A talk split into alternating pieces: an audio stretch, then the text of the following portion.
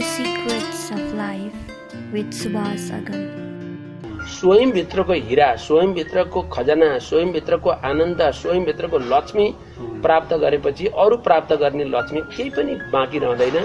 त्यो जीवनलाई तपाईँले आनन्दमय कर्ममा बडो आनन्दमय बनाएर प्रयोग गर्नुभयो भने। अब मजा के छ अर्को। यो कुरा बाँकी खाली रहेकोलाई ठिक हिसाबले प्रयोग गर्नुभयो भने अब फेरि पहिलाबाट आएको गलत चिज जो भरिएको जीवी छ त्यो पनि तपाईँ जान्नुहुन्छ। त्यसैबाट जान्नु ए अहिले तपाईँले मजा गर्न साथ पहिलाको खराब केही थियो भने त्यो पनि जान्नुहुन्छ त्यो पनि क्लिन गर्न अहिले नै सक्नुहुन्छ। फेरि पूर्व जन्ममा गइरहनु पनि पर्दैन अर्को जन्ममा त जानै पर्दैन। कुरो सकिहाल्यो यही जन्ममा सिद्धियो यदि तपाईँ बाँकी रहेको जीवीलाई बाँकी जीवनलाई यता मोबाइलमा जीवी भने यता जीवन भने जीवनलाई ठिक ढङ्गले प्रयोग गर्नु भएन भने पूर्व जन्मदेखि आएको कामना र चाहना त सफा हुने कुरै भएन। अहिले पनि फेरि तपाईँले फोहोर डुङ्गुरमा थुपार्न सक्ने चान्स हुन्छ। छब्बिस वर्षको उमेरमा जङ्गल जानुभयो एकतिस वर्षको उमेरमा चाहिँ जङ्गलबाट फर्केर आउनुभयो उहाँलाई फेरि पनि बुवाले ल राज्यमा बस भन्नुभएको थियो। बसेको भए हुन्थ्यो नि। किन भन्नु भएन? म राज्यमा बसेँ भने कपिल बस्तीको मात्रै राजा हुन्छु। म राज्यभन्दा बाहिर बसेँ भने त सारा पृथ्वीको कल्याण गर्न सक्छु। उहाँ बाहिर बसेर कल्याण गर्नुभयो त आज छब्बिस सय वर्ष पछाडि दुई अर्ब मान्छे बुद्धको पछाडि छन्। यदि उहाँ गद्दीमा बसेर समाजसेवा गर्छु भनेको भए दुई लाख मान्छे हुन्थ्यो होला उहाँको पछाडि। यो बाटो बुझ्नुपर्छ कि?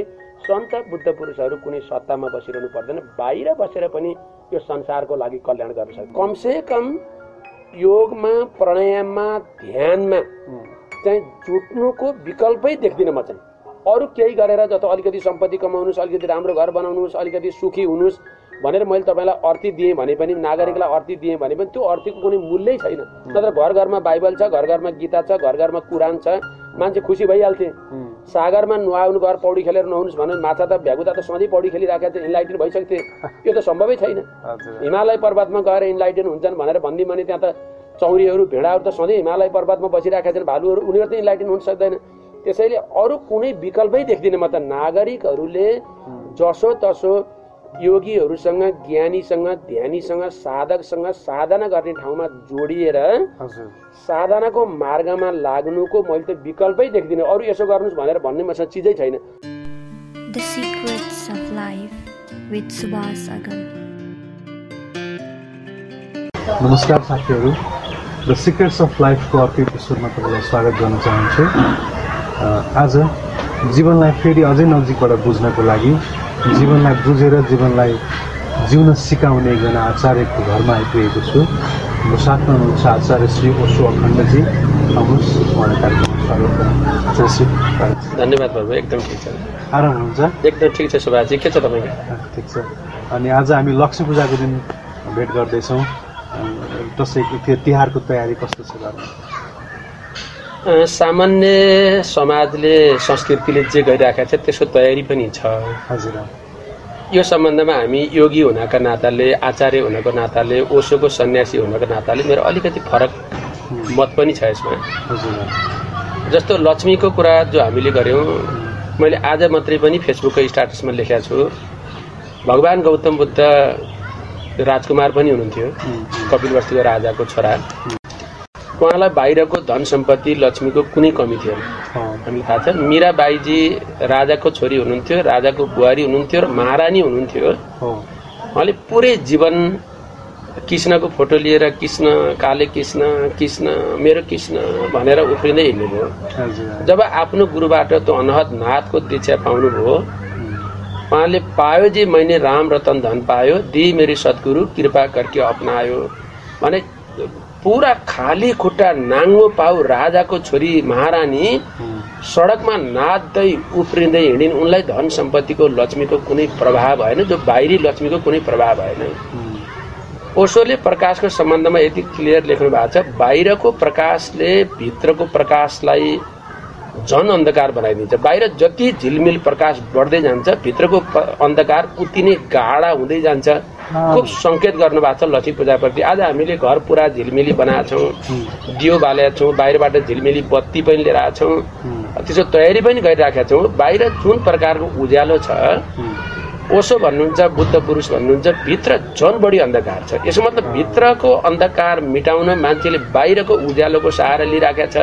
तर त्यो सम्भव छैन। त्यसैले भगवान् गौतम बुद्धले अप्पो दिपो भव। भित्र आफै बल आफू बल्यो भने एउटा बत्तीले हजार लाख करोड अरब बत्ती बाल्न सक्छ। नबलेको हजार लाख करोड अरब बत्तीले एउटा बत्ती पनि बाल्न सक्दैन। त्यसैले आज लक्ष्मी पूजाको अवसरमा उम्, स्वयं भित्र अपोदिपो भवर आफू बलेर दुनियाँलाई बाल्ने कुराको सङ्केत सन्तहरूले योगीहरूले गर्नुपर्छ। उम्, स्वयं भित्रको हिरा स्वयं भित्रको खजना स्वयं भित्रको आनन्द स्वयं भित्रको लक्ष्मी प्राप्त गरेपछि अरू प्राप्त गर्ने लक्ष्मी केही पनि बाँकी रहँदैन। लक्ष्मी पूजाको दिन हामी सबै साधक साथीका सबै मनुष्य जगतले यो सङ्केतलाई यो बाहिरी सङ्केतलाई भित्र बुझ्नुपर्छ भन्ने लाग्छ मलाई बिल्कुल। साह्रै सुन्दर। हामीले यो कार्यक्रमको थालनी गर्दाखेरि पनि हामीले जीवनमा विभिन्न चिजहरू गरिरहेका हुन्छौँ। कति कुरा बुझेर गर्छौँ कति कुरा नबुझेर गर्छौँ। जीवन नै यति यो प्रगाढ चिज छ जसलाई हामीले राम्रोसँग बुझेको छैनौँ होला सायद। किनभने जति नै जीवनमा प्राप्ति भए पनि अन्ततगतमा फेरि त्यो कता कता चाहिँ असन्तुष्टि भएको हुन्छ। अनि सम्पत्तिले पनि सन्तुष्टि दिइरहेको हुँदैन। र सम्पत्ति नहुने पनि फेरि सन्तुष्ट छैनन् फेरि। हुने पनि सन्तुष्ट छैनन्। देयर इज समथिङ एल्स अरू नै केही चिज छ जुन चिज जीवनमा छुटिरहेको छ। त्यसले गर्दा जीवन अपुरो अपुरो लाग्छ। त्यसले गर्दा यो जीवन जिउने त्यो तरिका के हो? जीवन कसरी जिउने कसरी बुझ्ने भन्ने कुरा बुझ्नको लागि हजुर जस्तै तत्त्व बुझेकाहरूसँग कुरा गर्न यो थालनी गऱ्यौँ। हामीलाई बताइदिनुहोस् न आचार्यश्री कि यो जीवन वास्तवमा हामीले के को लागि प्राप्त गरेका रहेछौँ? एकदमै महत्त्वपूर्ण कुरा गर्नुभयो। सबै सन्तहरूको साधुहरूको बुद्ध पुरुषहरूको जीवन हेर्नुभयो भने जीवनलाई श्रृङ्खलाको रूपमा बुझ्नुपर्छ। यो तपाईँ कुनै खोलाको किनारमा जानुभयो तपाईँको आँखाले देखा जति मात्रै खोला होइन। त्यसको मुहान हिमालमा छ त्यसको अन्त्य सागरमा छ। सागर र हिमाल पनि अन्त्य होइन। अब के भयो? फेरि सागरबाट बाष्पीकरण भएर उडेर आएर हिमालमा ठोकिने जो टोटल प्रक्रिया छ त्यसको नाम हो नदी त्यसको नाम हो खोला। हामी के गर्छौँ जहाँनिर हामी मुख धुन्छौँ गोडा धुन्छौँ जहाँनिर खोलामा गएर पौडी खेलिराखेका छौँ हामी त्यतिलाई मात्रै खोला अथवा नदी मानेर त्यसको चर्चा गरिराखेका छौँ। जीवनलाई त्यसरी बुझ्न आँट्यो भने। अन्याय हुन्छ। जीवनलाई कसरी बुझ्नु पर्यो? पहिला पनि कैयौँ श्रृङ्खला जीवन थियो। आउने पनि कैयौँ श्रृङ्खला जीवन छ। अहिले बिचको हामी बाँचिरहेको एउटा जीवनको हामीले चर्चा गरेका छौँ। सानो अङ्ग। सानो अङ्ग। हामीले देखेको नदीको एउटा पाठ मात्रै हामीले चर्चा गरिराखेका छौँ। यो जीवनलाई हेर्नुहुन्छ भने यो जीवन हामी किन आउनु पर्यो भन्ने इम्पोर्टेन्ट कुरा त्यहाँनिर जानुपर्छ। यो त पूर्व जन्ममा हाम्रा केही चाहना थिए इच्छा थिए अतृप्तता थिए बाँकी थिए। जो त प्रधानमन्त्री हुन पाए हुन्थ्यो सुन्दर केटा सुन्दर केटी पाए हुन्थ्यो धन सम्पत्ति पद प्रतिष्ठा पाए हुन्थ्यो भन्ने भित्र प्यास थियो। पाउन सक्नु भएन। लालसाले मोहले चाहना हुँदा हुँदै। तपाईँको मृत्यु भयो मेरो मृत्यु भयो। भने त्यो पूर्व जन्ममा सञ्चित भएको इच्छा कामना अथवा काम भन्नुहोस् न लाई पुरा गर्न यो जीवनमा आउनुपर्ने हो। मैले अस्ति ओसोको एउटा खुब सुन्दर यो बायोग्राफीलाई अहिले उल्था गरेर मैले मेट्रो दैनिक भन्ने पत्रिकामा दिइराखेको छु। आज पाँचौँ श्रृङ्खला गयो। हजुरहरूले नि हेर्नु होला ओसो के भन्नुहुन्छ भने गएको पूर्व जन्ममा म एक सय छ वर्षको वृद्ध थिएँ। एक्काइस वर्ष दिनको म उपवास गरिराखेका थिएँ। अठार दिनको दिन आएर मलाई कसैले शत्रुतापूर्ण व्यवहार गरेर मारिदियो। मेरो तिन दिन उपवास बस्यो। जबकि ऊ त्यो मेरो शत्रु थिएन उसले मलाई शत्रु ठान्यो। र मलाई मारिदियो। मारेपछि म त्यो तिन दिनको उपवास पुरा गर्नको लागि यो जन्ममा आउनु पर्यो। आएँ। आएपछि जब गर्भमा आमाको गर्भबाट म जमिनमा आएँ मैले तिन दिन आमाको दुध पनि चुसिनँ मैले पानी पनि खाइनँ। सबै डाक्टरहरू लागे सारा मान्छे लागे आमा बाहरू पनि लाग्नुभयो सारा इष्टमित्र लाग्यो बच्चा के हुने हो कसरी बाँच्छ पानी पनि खाँदैन दुध पनि खाँदैन भने मेरो भित्रको परेसानी जो समस्या थियो दुनियाँले बुझ्दै बुझेन। मलाई खुवाउन मात्रै बल गरे। जब तिन दिन भयो म सकुशल पानी खाइदिएँ दुध खाइदिएँ। मैले पूर्व जन्मको तिन दिनको मौन चाहिँ जन्मना साथ पुरा गरेर आफ्नो जीवनको सुरुवात गरेँ भने ओसोले आफ्नो बायोग्राफीको सुरुवातमा भन्नुभएको छ। अब म यो जन्ममा आएँ उहाँ यो जन्ममा आउनुभयो तपाईँ यो जन्ममा आउनुभयो। आउनुको पछाडि वाट इज द रिजन कारण के थियो भने पूर्व जन्मदेखि यहाँ पुरा गर्नुपर्ने एउटा कारण थियो र हामी आएको। जस्तो मलाई मेरो जीवनको मलाई भन्न मिल्दैन। मेरो जीवनको दुईटा विशिष्ट उद्देश्य थियो म यो जन्ममा आउने म आएँ। र त्यो कर्म मैले पुरा गरेँ। अरू मैले मजा लिइराखेको छु अब बाँकी जीवनको लागि फेरि आउनु पनि नपरोस्। यदि इच्छा लाग्यो भने आउने इच्छा नलागे नआउने आफ्नो जन्म मृत्युको चाहिँ इच्छा स्वयंमा भर पर्ने। कुरामा म साधनामा लागिराखेको छु। त्यसैले मान्छेहरू के बुझ्दैनन् भने पूर्व जन्ममा के कुराको ल्याग थियो के इच्छा थियो के चाहना थियो त्यो किन पुरा गर्न आएँ भन्ने कुरा चाहिँ एक बुझ्दै बुझ्दैनन्। उनीहरूलाई त्यो थाहै हुँदैन विस्मरणमै गइदिन्छन्। र यो जन्ममा पनि के सोच्दछन् भने भित्र कहाँ हो कहाँ हो एउटा चिजको प्यास छ। जस्तो के भन्नुहुन्छ सन्त कवीर भने कस्तुरी कुण्डल बसे मृग ढुडे वनमाई उम्, ऐसी घटघट आनन्द है मनुवा जाने नहीं। हुँ। अथवा कस्तुरी मृगले आफ्नो कुण्डलमा नाभिमा भएको बासनालाई खोज्दा खोज्दा खोज्दा खोज्दा पुरा जङ्गलमा भौतारिएर जान्छ। कहीँ पनि पाउँदैन। यो मैले पाउने चिज रहन्छ क्यारे? भनेर थकान भएर जङ्गलमा गएर एक ठाउँमा लडेर सुत्छ त्यस्तै मानव जगतको पनि भित्र कहीँ हिरा कहीँ लक्ष्मी कहीँ आनन्द परमानन्द छ त्यो बुझ्दैन। नबुझेपछि के गर्छ? भौतारिन्छ भौतारिन्छ खोज्छ। कहाँ खोज्छ? धन सम्पत्तिमा खोज्छ पद प्रतिष्ठामा खोज्छ सुरा सुन्दरीमा खोज्छ दारू रक्सीमा खोज्छ सारा ठाउँमा खोज्छ ऊ पाउन सक्दैन। अनि नपाइसकेपछि अनि के गर्छ पछि? धिक्कार होस् आनन्द भन्ने मैले पाउने उम्, मैले आज मात्रै एकजना सायद तपाईँकै हो मैले चाहिँ फेसबुकमा आज बिहान हेरेको थिएँ। लक्ष्मी प्रसाद देवकोटाले होइन जीवन रहेछ निशा समान जीवन विराट आकाश रहेछ होइन? मर्ने बेला पनि आएन ज्ञान। उहाँले भन्नुभएको छ कवितामा मर्ने बेला पनि ज्ञान आएन होइन? न धन भो न बुद्धि भो न भो विवेक श्री कृष्ण आखिर श्री कृष्ण रहेछ एक। श्री कृष्ण रहेछ एउटा न धन भो न बुद्धि। श्री अब लक्ष्मी प्रसाद देवकोटा जस्तो महाकवि। नेपालको सबभन्दा लब्ध प्रतिष्ठित शिक्षा मन्त्री। होइन? आजको ट्यु आजको जो किर्तिपुर जो ट्यु बनाउनु भएको छ त्रिभुवन युनिभर्सिटी सारा उहाँको योगदान। उहाँले लेखेको किताबहरू आज नेपालमा डिग्रीमा पढाइ हुन्छ। मुना मदन पचास पटक हेर्नुहोस् आँखाबाट आँसु आउँछ। त्यस्तो कृति बनाउने महाकवि लक्ष्मी प्रसाद देवकोटा जस्तो व्यक्ति पनि मर्ने बेलामा जीवन यस्तो विराट रहेछ अलग निरञ्जन रहेछ मेरो जीवन व्यर्थ खेर गयो श्रीकृष्ण एक रहेछ मर्ने बेलामा अल्बर्ट आइन्स्टाइन पनि पश्चातापमा बित- बित्नुभयो। लक्ष्मी प्रसाद देवकोटा पश्चातापमा बित्नुभयो। भारतका ए वान हिरो हिरोइनहरू त्यहाँका धनाढ्य मान्छेहरू मर्ने बेलामा बडो दुःखदायी जीवन बिताइराखेका छन्। यसबाट के बुझिन्छ भने मान्छे भित्र सुख प्यास कहाँ हो कहाँ हो चिज खोजी अर्कै चिजको छ। तर मान्छे के छ यो धनबाट पुरा हुन्छ कि पदबाट पुरा हुन्छ कि परिवारबाट पुरा हुन्छ कि प्रतिष्ठाबाट पुरा हुन्छ कि। होइन? भनेर खोज्छ खोज्छ खोज्छ खोज्छ। यो पायो फेरि हुँदैन त्यो पायो फेरि हुँदैन त्यो पायो। के आज मुख्य सचिवहरू के आज प्रधानमन्त्रीहरू के राष्ट्रपतिहरू खुसी छन् र? सबभन्दा दुःख सबभन्दा तनाव सबभन्दा धिक्कार जीवन। होइन? आज अमेरिकाको राष्ट्रपति जस्तो ठुलो दुनियाँमा गइ छैन। आज डोनाल्ड ट्रम्प जस्तो दुखी दुनियाँमा कोही पनि छैन। ऊ अदालत गइराखेको छ। डोनाल्ड ट्रम्प अदालत गएको छ भने। ऊ भित्रको प्यास जे पाउनु पर्ने थियो त्यो चिजको ल्याग भएको छ। त्यो चाहिँ अध्यात्म अथवा ध्यान। ओसोले अन्तिममा भन्छु फेरि ओसोले भन्नुभएको छ जीवनमा समस्या अनेक छन् चाहना अनेक छन् कामना अनेक छन् त्यसको उपचार एउटै छ ध्यान अथवा मेडिटेसन। जो मान्छे ध्यान गर्दैन भित्रको ल्याग भित्रको चाहिँ चाहना भित्रको पूर्ति हुनै सम्भव छैन। त्यही हो मुख्य कुरा। है? भनेपछि हाम्रो जीवनमा आए आउँदाखेरि चाहिँ जुन पूर्वजन्मको संस्कार थियो पूर्वजन्ममा जुन गर्नुपर्ने सकाउनु पर्ने काम थियो त्यो नसकिएकै कारणले हामी यहाँ आएका छौँ। कस्तो यसमा दुईटा तिनवटा कुरा बडो गहिरो कुरा उठाउनु भयो यो सबैले बुझ्दैनन् बुझ्नुपर्छ। तपाईँ यहाँ आउनुभयो मेरो घर। हजुर। किन आउनुभयो? आज आचार्य श्रीसँग एउटा इन्टरभ्यू लिनुपर्ने कारण भयो कि भएन बिना कारण त आउनुहुन्न। इन्टरभ्यू लिन आएपछि एक्लै आएर त्यत्तिकै आएर त हुँदैन। कोही इन्टरभ्यू लिनलाई सहयोग गर्ने साथी चाहिएला तपाईँलाई क्यामेरा चाहिएला क्यामेरा राख्ने स्ट्यान्ड चाहिन्छ. कारण चाहियो. अनि आउनु पर्यो त्यहाँ सामग्री पनि बोकेर आउनु पर्यो। नत्र आउँदै आउनुहुन्थेन। भने जस्तै यो जीवनमा आउनु पनि एउटा कारण चाहिन्छ। म पहिला पूर्व जन्ममा के चिज मैले पाउन आशा गरेका थिएँ त्यो चिज कहाँनिर गएर पुरा भएन। त्यो भित्रको अपेक्षा र चाहना पुरा गर्ने बेलामा तपाईँ मरेर जानुभयो शिवलोक भन्नुहोस् कहीँ भन्नु जानुभयो।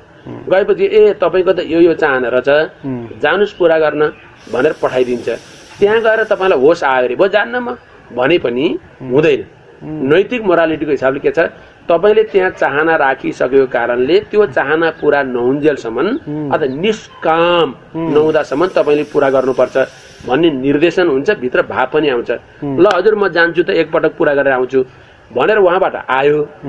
आइसकेपछि छ सात वर्षको उमेरसम्म इन्जोय गर्यो खेल्यो रमायो गणन परमात्माको नाच सुन्यो प्रकाश देख्यो चल्यो।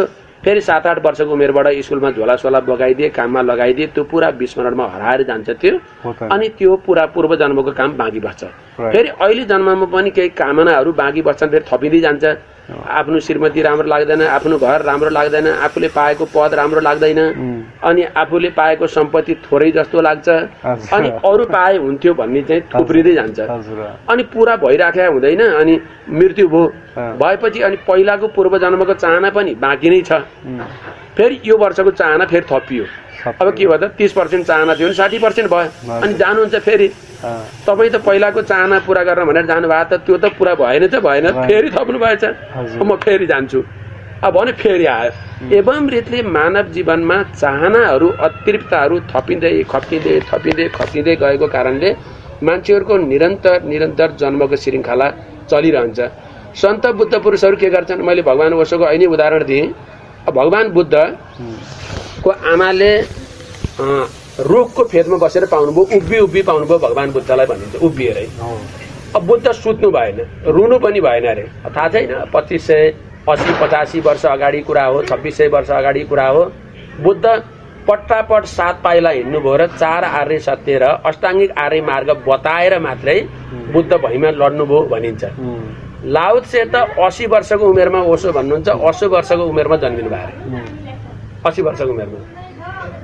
अब मान्नुहोस् असी वर्षसम्म भित्र दारी आइसक्यो जुगा फुलिसक्यो कपाल फुलिसक्यो चाउरी परिसक्यो उहाँ आमाकै गर्भमा बसिरहनु पर्यो उहाँलाई लाग्यो अरे पृथ्वीमा गएर पो के गर्नु आखिर गर्नु के छ?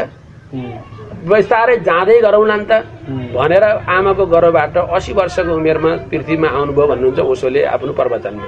थाहा छैन कहीँ सङ्केत पनि हुन सक्ला सत्य हो कि मलाई थाहा छैन। यद्यपि सन्तहरू भने बुद्ध पुरुषहरू भने पूर्व जन्मबाट यो जन्ममा आउनुपर्ने विशिष्ट कारण पहिल्यै जान्दछन् गर्वमै जान्दछन्। र गर्वबाटै उहाँहरूले त्यो प्लानिङ गरेर पहिलाको कामना के थियो पुरा गरिदिन्छन् चाहना के थियो पुरा गरिदिन्छन्।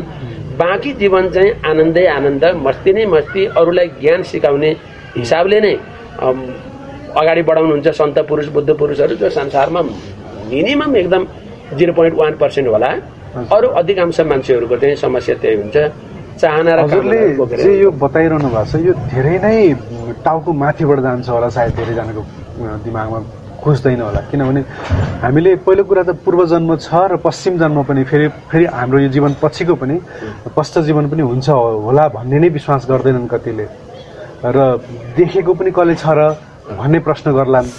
पूर्व जन्म कसले देखेको छ र मरेपछि डुमै राजा भन्छन् होइन? मरेपछि के हुन्छ के हुन्छ कसैलाई थाहा छैन भन्छन्।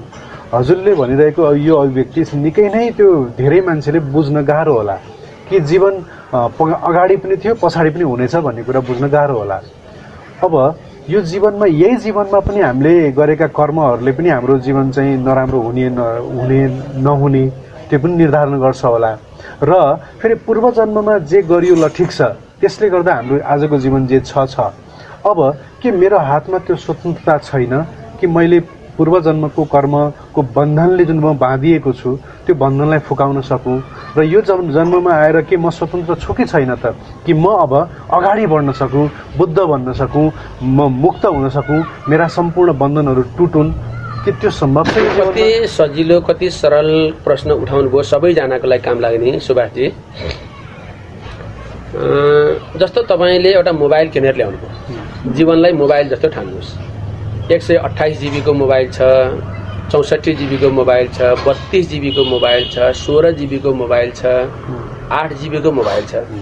यदि आठ जिबीको मात्रै मोबाइल छ भने त्यो मोबाइलमा तपाईँले बाहिरबाट केही पनि हाल्न सक्नुहुन्न। त्यसमा त्यसकै डकुमेन्टहरू त्यसकै सफ्टवेयरहरूले त्यो भरिएर जान्छ।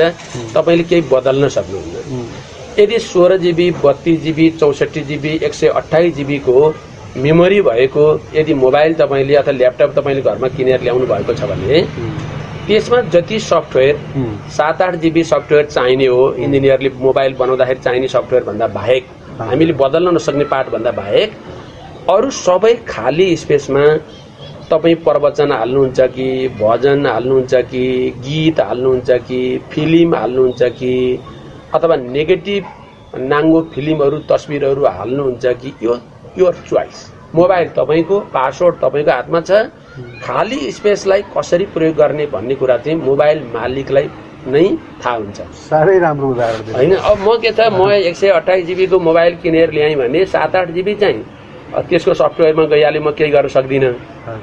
अरू बाँकी रहेकोमा चाहिँ ओसोको प्रवचन हाल्छु भजन हाल्छु अनि युट्युबबाट राम्रा राम्रा धुनहरू चाहिँ डाउनलोड गरेर हाल्छु अनि त्यही मजाले धुन्छु र मजा लिन्छु।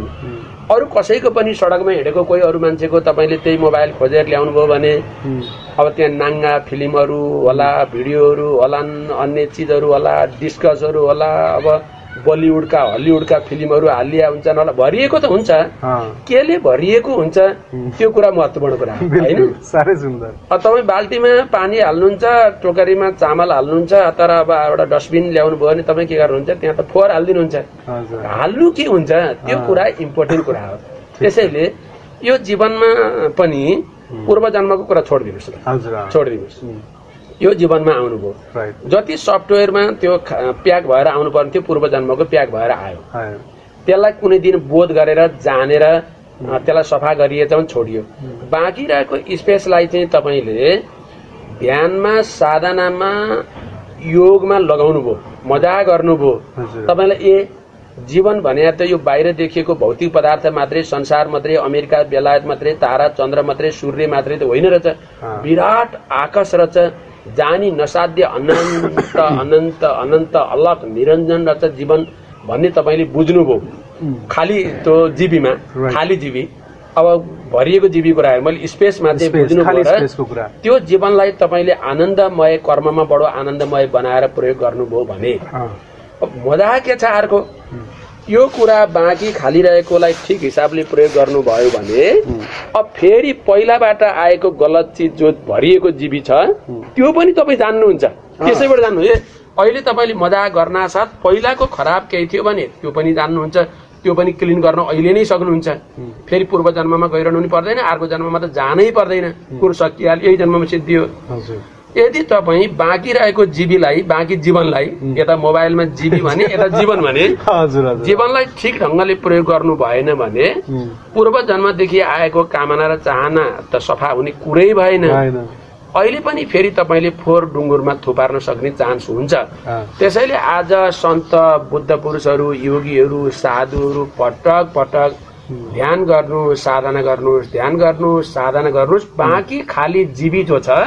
त्यसलाई सुन्दरता हिसाबले भर्नुहोस् र पहिलाको जीवनबाट आएका केही अतिरिक्त चाहना छ भने त्यसलाई पनि सफा बनाइदिनुहोस् क्लिन गरिदिनुहोस् पुरा गरिदिनुहोस्।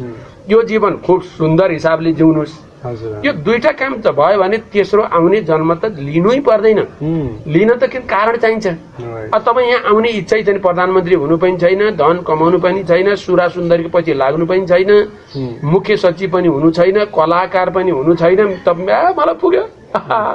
भयो जीवनमा भने तपाईँ पछि किन आउने? आउनु परेन। आउनै पर्यो भने पनि आ जान्छु।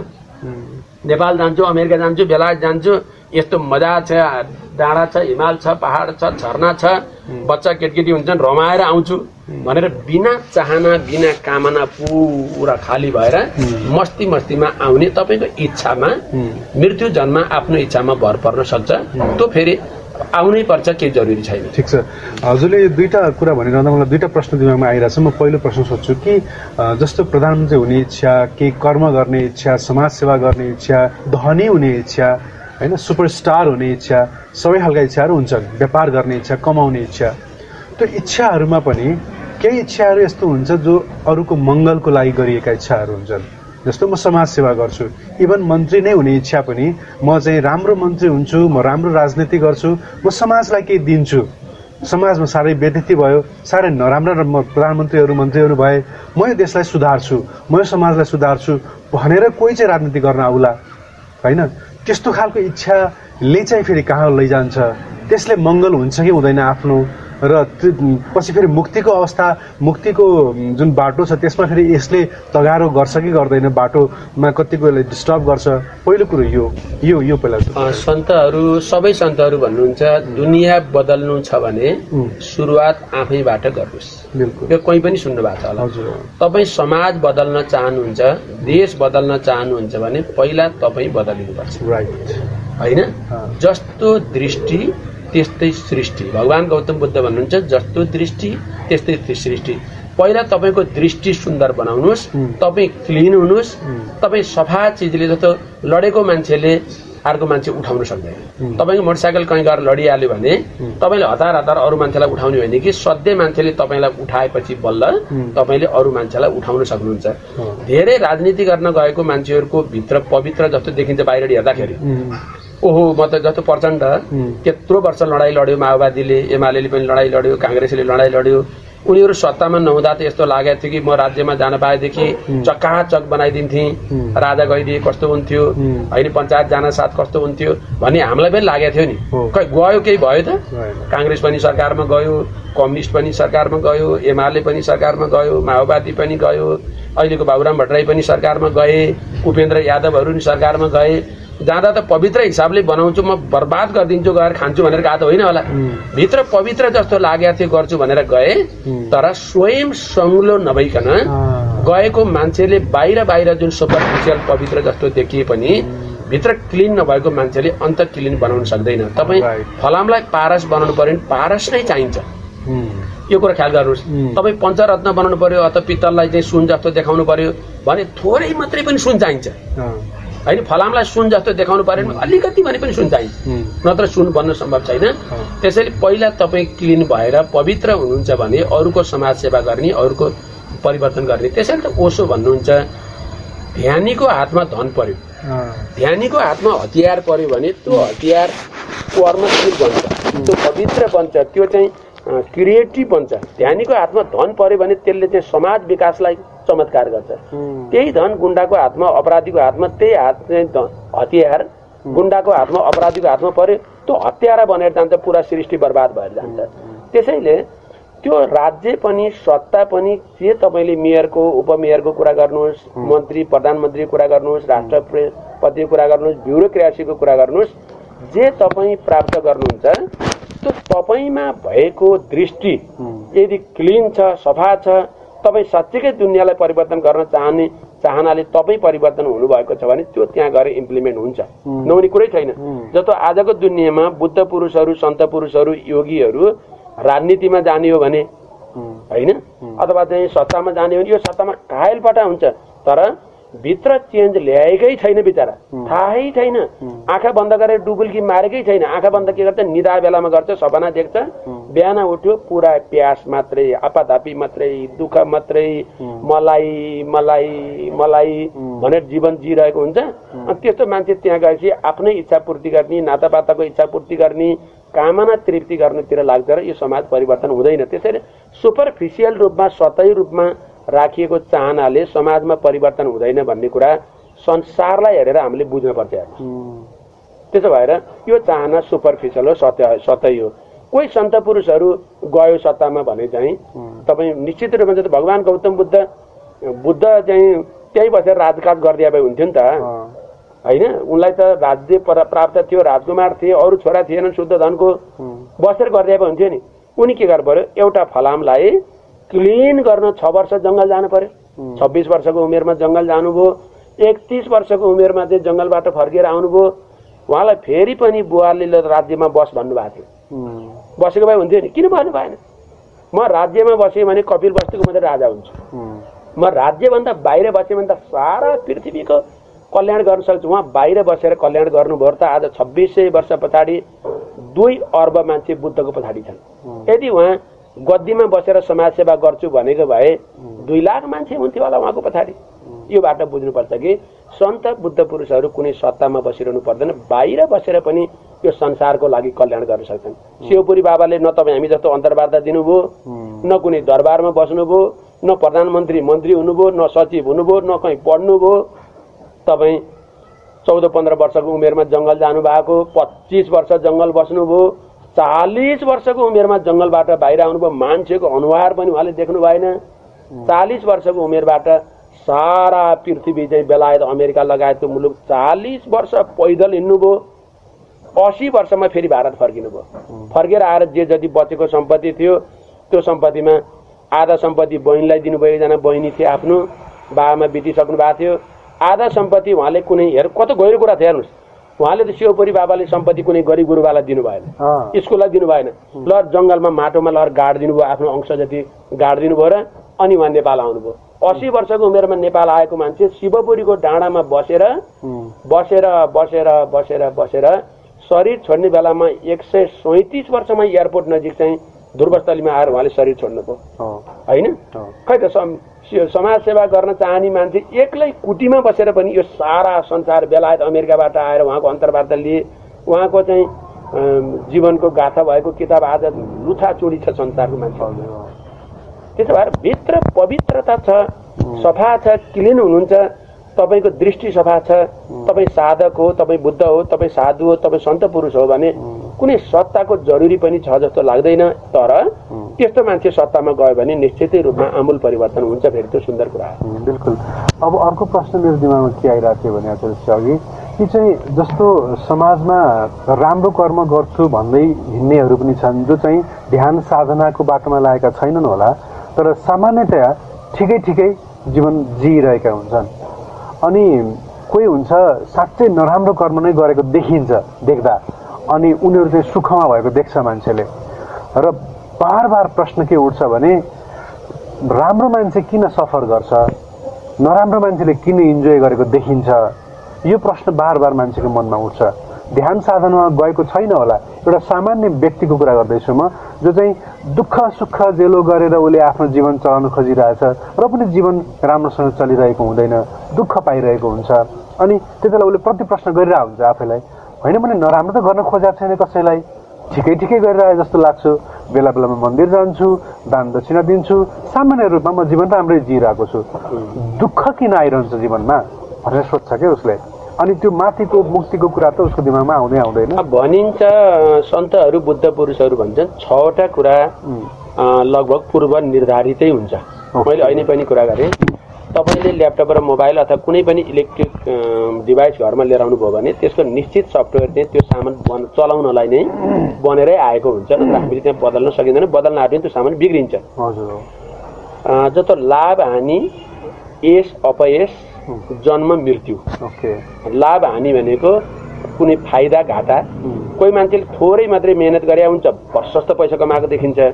कोही जिन्दगीभरि बिचरा चाहिँ ढुङ्गा र माटोसँग खेलिरहेको हुन्छ हातमुख जोड्नै गाह्रो भइरहेको हुन्छ लाभ हानि। यस अपयस भनेको जस अब्जस भन्छ नि गाउँघरमा। यस अपयस पनि कोही कोहीले कामै गरे हुँदैन। ए उहाँ आउनुभयो क्या भनेर त्यसै जस लिइराखेको हुन्छ। कसैले पुरा काम गरेर सहयोग गरे हुन्छ त्यसले जस पाएकै हुँ म सानोबाट उदाहरण दिन्छु नाम लिन्न चिनेको मान्छे हो। एकजना जेठो ज्वाइँ बिचरा ससुरा बिरामी भएछन् र हस्पिटलमा बसेका रहेछन्। ससुरालाई कुर्दा कुर्दा कुर्दा राति सत्र दिन कुरिसक्नु भएको रहेछ। माइलो चाहिँ ज्वाइँ नेता हुनुहुन्थ्यो नेपालमा नाम लिन्न। उहाँ सत्र दिनको दिन ससुरालाई बोलाउन जानुभयो। त्यो हस्पिटलभरि त्यो मनमोहन क्याडुएलमा यो टिचिङको कुरा गर्दैछु मुटु रोगसँग सम्बन्धित थियो। अनि त्यो दिनैभरि चर्चा के र के गरे ज्वाइँले आएर भेटेर जानुभयो भन्ने चर्चा चल्यो त्यहाँ। जेठो ज्वाइँ पनि माइलो ज्वाइँ पनि मेरो साथी हुनुहुन्थ्यो। मलाई जेठो ज्वाइँले भन्नुभयो म सत्र दिनदेखि ससुरालाई हस्पिटलमा कुरेर बसिरहेको छु खानु कुट्नु केही छैन ज्वाइँ आउनुभयो भन्ने मैले एक वचन सुनेको छैन। अब हो साडु भाइ माइलो आएर एकछिन यसो आधा घन्टा जति भेटेर एक किलो स्याउ लिएर फर्केर गयो। पुरै परिवारमा चर्चा चलिरहेको छ कि ज्वाइँ आएर भेटेर जानुभयो म त्यो कुरा अहिले पनि म गहिरोसँग चाहिँ मैले नाम भन्ने भने तपाईँहरू जान्नुहुन्छ भनिनँ। म अहिले पनि मलाई गहिरोसँग याद हुन्छ। जस अफ जस भन्ने कुरा पनि बनी बनाउने हुन्छ भनिन्छ। कतिजनाले जस त्यत्तिकै नै पाइरहेका हुन्छन्। एउटाले काम गरेर जस अर्काले पाइरहेको हुन्छ। कतिले गर्यो गर्यो गर्यो गर्यो गर्यो जस पाएको हुँदैन। यो कुरा पनि लगभग बनी बनाउने हुन्छ भनिन्छ। अर्को जन्म र मृत्यु त लगभग हुन्छ नै फेरि। उम्, यो त जन्म तपाईँ एउटा निश्चित क्रियापछि फलान ठाउँमा जाने यस्तो प्रकारको एउटा प्रक्रियागत हिसाबले तपाईँ आउने नै भयो आउनु पर्यो। मृत्यु त जन्मिएपछि सबै चिजहरू जो शाश्वत छ त्यसको त मृत्यु हुँदै हुँदैन। जो मैले शाश्वत प्रकाशको कुरा गरेँ। शाश्वत नादको कुरा गरेँ शाश्वत हिराको कुरा गरेँ जो सर्वत्र भित्र छ त्यसको त अन्त्य हुने कुरै भएन न जन्म न मृत्यु। जो बाहिर पदार्थ जन्मिन्छ मान्छे मात्रै हो प्राणी मात्रै हो ढुङ्गा माटो मात्रै हो तारा चन्द्र हो सबै चिजहरू कुनै दिन मर्छन् त्यसैले मृत्यु पनि कन्फर्मै छ छवटा कुरा लगभग कन्फर्म मानिन्छ। त्यसैले हामी के हाम्रो कता कता दृष्टि पुग्या हुँदैन भने तपाईँको कसैले दस लाख रुपियाँ खाइदियो। तपाईँको दस लाख रुपियाँ खाइदियो। ऊ खाने चोर चाहिँ। थालु पल्टेर एकदम मोटरसाइकल चढेर गाडी चढेर हिँडिया छ नमस्कार हजुर। अब भनिरहेको थिएन उसलाई सबैले। तपाईँ चाहिँ गुमे पनि तपाईँकै छ। सम्मान पनि तपाईँलाई छैन। उस्तै गरी पुलिसले तपाईँलाई नै पक्रिदिन्छ उल्टो मुद्दा लाएर। तपाईँको कोही सुनिँदैन। ए तै बेकुप थिइस् होला। अब भनिदिन्छ कसैले। अनि भित्र पीडा हुन्छ ओहो पैसा पनि मेरै घुमिराखेको छ। सम्मान पनि उसको छ। म गुमाउने पनि सम्मान पनि गुम्ने जस्तो मलाई कता कता भित्र चित्त दुख्न जान्छ यसको पछाडि पनि कारण छ। हुनसक्छ मैले अलिक गहिरो कुरा गरेँ होला। त्यो मान्छेले नै तपाईँको पैसा किन लानु पर्यो अँ, सबै कुरा बुझ्नु राइट यति धेरै संसारमा छ अर्ब मान्छे छन् त्यही मान्छे तपाईँसँग सापटी माग्न किन आउनु पर्यो? तपाईँले दुनियाँलाई पैसा नदिएर राखेको हो त्यसलाई दस लाख किन दिनु पर्यो तपाईँलाई दिउँदिउँ किन लागेको मनमा? उसले अरूको पैसा कतिको तिर्यो होला तपाईँकै किन तिरेन? होइन। पुलिसले अदालतले अरू सबैलाई न्याय दियो तपाईँलाई नै न्याय किन दिएन? अरूलाई त पैसा गुमाएपछि ओहो तपाईँ पैसा गुमेछ बिचरा म उठाइदिन्छु भन्लान्। तपाईँलाई उल्टो अपमान किन हुन्छ। यसको पछाडि पनि कारण हुन्छ। ओके हुनसक्छ कुनै जन्ममा कुनै समयमा तपाईँले उसको एक लाख रुपियाँ अथवा एक एक हजार रुपियाँ खानु भएको थियो होला। त्यो निरन्तर क्रममा तपाईँले तिर्नु थियो होला तपाईँले बिर्सिनु भयो होला। र यो जन्ममा तपाईँले दिनु भएन सजिलोसँग आएर फगायो अरे लिएर गयो म चाहिँ छत्तिस पर्सेन्ट ब्याज तिर्छु भन्यो तपाईँ। खुसी हुनुभयो। उसको उठाउनु पर्ने थियो उठाएर लग्यो होला। हामीलाई थाहै छैन कि मेरो लग्यो भने ठाने होइन उसले उसैको लगेको। हामी खुसी के मान्नुपर्छ भने दस लाख तिर्नु थियो दस लाख लग्यो होला। कमसेकम बिस लाख लगेन पचास लाख लगेन घर सिङ्गै लगेन भनेर त्यसमा हामी खुसी हुन सक्दैन। ब्राइट साइड हेरेर चाहिँ खुसी हुन सक् सिक्नु पर्यो। एकचोटि तपाईँ एक्सिडेन्ट पर्नुभयो एउटा हात भाँचियो। अब हामी दुखी हुन्छौँ। म एक्सिडेन्ट परेँ एउटा हात भाँचिएँ धिक्कार होस् जिन्दगी अब कति समय चाहिँ पट्टी बाँधेर बस्नुपर्ने। भनेर हामी रुन थाल्छौँ। भाँचिएको हातलाई हेर्छौँ। हजुर। नभाँचिएको पाठ हेर्नुहोस्। आहा दाहिने गोडा नि सधैँ छ देब्रे नि सधैँ छ दाहिने हात पनि सधैँ छ आँखा नाक कान मुटु फोक्सो सबै सधैँ छ मोरो एउटा हात त्यो पनि देब्रे भाँच्यो। आहा परमात्मा कस्तो दयालु। हामीले बिग्रिएको पाठलाई यति महत्व दियौँ कि सर्वस्व त्यही गयो। होइन? होल पाठको एउटा भाग त्यो पनि देब्रे हातको त्यो पनि कुइना भन्दा तलतिरको भाग भाँच्यो। त्यो पनि एक डेढ महिनामा बिसेक हुन्छ। जबकि अस्सी वर्ष बाँच्नुहुन्छ भने एक डेढ महिनामा त्यो हात जस्ता तस्तै हुनुहुन्छ भने ल यो त हजुरले बहुत सजिलो उदाहरण दिनुभयो। कसैको चाहिँ जवान छोरा बितिरहेको हुन्छ। कसैको चाहिँ अब एकदम यङ एजमा चाहिँ आफ्नो एक मात्रै भएको सन्तान बितिरहेको हुन्छ होइन? कसैको अब यस्तो अवस्थामा चाहिँ के गर्ने? हेर्नु एकदमै ग्रेटेस्ट लस हो नि। म उदाहरण दिन्छु बडो गजब त्यो अब। विषयवस्तु तपाईँले सम्झिन सजिलो हुन्छ। हजुर। एकजना सन्त साधु र उहाँको श्रीमती घरमा खुब सुखसित बस्थे तिनवटा बच्चा थिए। श्रीमती कहिले बच्चा केटीकेटी मरिहाले केही भइहाल्यो बिरामी भयो भने श्रीमती दुःख पाउलिन् भनेर श्रीमानलाई खुब पिर हुन्थ्यो। र भन्थे हेर नानु यो बच्चा केटीकेटी हामी कुनै पनि बेला केही हुन पनि सक्छौँ। यो परमात्माको कृपाले हामी धरतीमा आइयो कुनै पनि बेला जानुपर्छ। यो सामान्य कुरा हो खेल जस्तै हो नाटक जस्तै यसलाई सामान्य मान है भनेर श्रीमान चाहिँ श्रीमतीलाई सम्झाइरहन्थे। एक दिन अचम्म घटना घट्यो श्रीमान अफिसबाट फर्किँदै हुन्थ्यो। बिच बाटामा पाँचै बजे श्रीमती हतार हतार हतार श्रीमानलाई भेट्न पुग्छिन्। र भन्छन् हजुर अफिसबाट आउँदै हुनुहुँदो रहेछ एउटा प्रश्न सोध्न मन लागेर आएको भने म एकछिनमा घर आइपुग्नेवाला थिएँ बाटैमा क्वेसन सोध्नुपर्छ भनेर श्रीमानले सोधे। उनले खुसी अनुहार बनाएर श्रीमतीले भन्छन्। होइन? बाटामा दगुर्दै आएर सोध्न पर्ने प्रश्न छ आजको। के प्रश्न छ आजको? जस्तो मानिलिनुहोस् रे। अब श्रीमान त सन्त श्रीमती त नागरिक सामान्य मान्छे थिइन् हाउस वाइफ के छ? जस्तो मानिलिनुहोस् आजभन्दा बाह्र तेह्र वर्ष अगाडि कसैले हामीलाई लो गिफ्ट खेलाउनुहोस् भनेर खेलाउने कुरा घरमा ल्याइदिएको थियो। तपाईँ र म भएर खुब मजाले खेलाउन खेलाएको थियौँ रे। त्यो जसले दिएको थियो उसले बाह्र तेह्र वर्षपछि मेरो खेलाउन फिर्ता ल्याउनुहोस् भनेर आएर मागेर लग्यो रे। तपाईँलाई कस्तो लाग्छ भनेर। श्रीमतीले श्रीमानलाई प्रश्न उम्, श्रीमानले भन्छन् ए बाबा बाह्र तेह्र वर्ष अगाडि कसैले कुनै गिफ्ट दिएको थियो खेलाउन भने हामीले खुब मजाले खेलायौँ। अब बाह्र तेह्र वर्षपछि मेरो गिफ्ट लिए भनेर फिर्ता लग्यो भने यसमा चित्त दुखाउनु पर्ने कारण के छ? म त खुसी नै हुन्छु। यसै पनि खेलौना थोत्रो भइसकेको हुनसक्छ हामी म फिर्ता दिए उसले खेलाउन फिर्ता लग्यो भने म खुसी नै हुन्छु।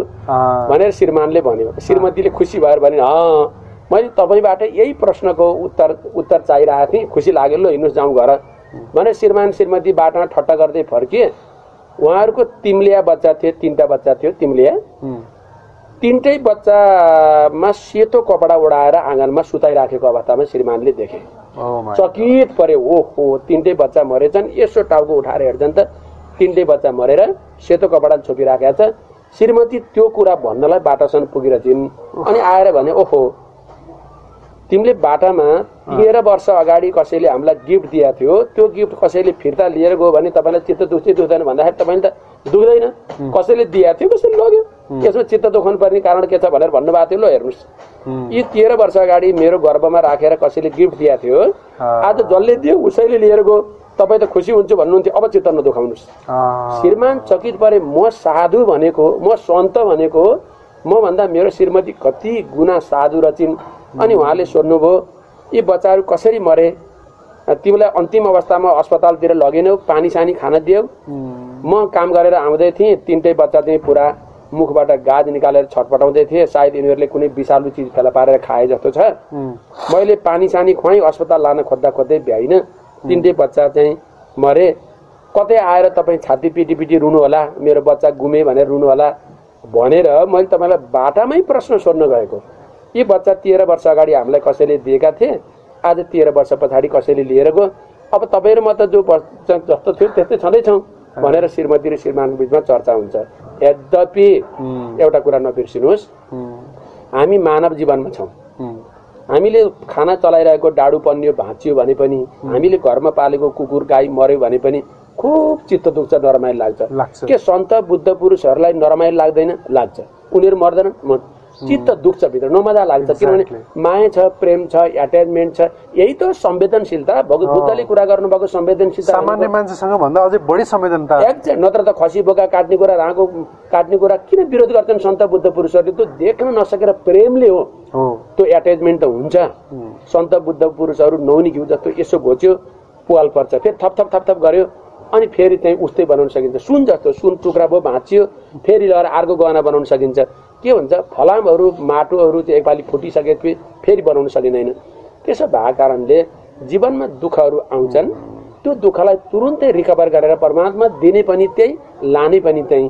कहाँ दुःख कहाँ छ सुख कहाँ छ दुःख र सुख त सारा मेरो मनको खेल हो भनेर जान्यो सन्त बुद्ध पुरुष। जानेन के गर्न पर्यो? सामान्य मान्छेले पनि जीवन छ त मृत्यु छ प्राप्ति छ त गुमाई छ अथवा यो जीवन यसरी नै चलिराखेको छ यो नाटक जस्तो भनेर जीवन खुसी साथ जिउने कला चाहिँ सामान्य मान्छेले सामान्य तालिममा पनि आज जेसिसको तालिममा तालिममा रोटरीको तला तालिममा अन्य लायन्स क्लबको तालिममा सक्सेस ट्रेनिङहरूमा जस्तो शिव खोडा खेडा उनी कुनै इन्लाइटेन मान्छे होइन।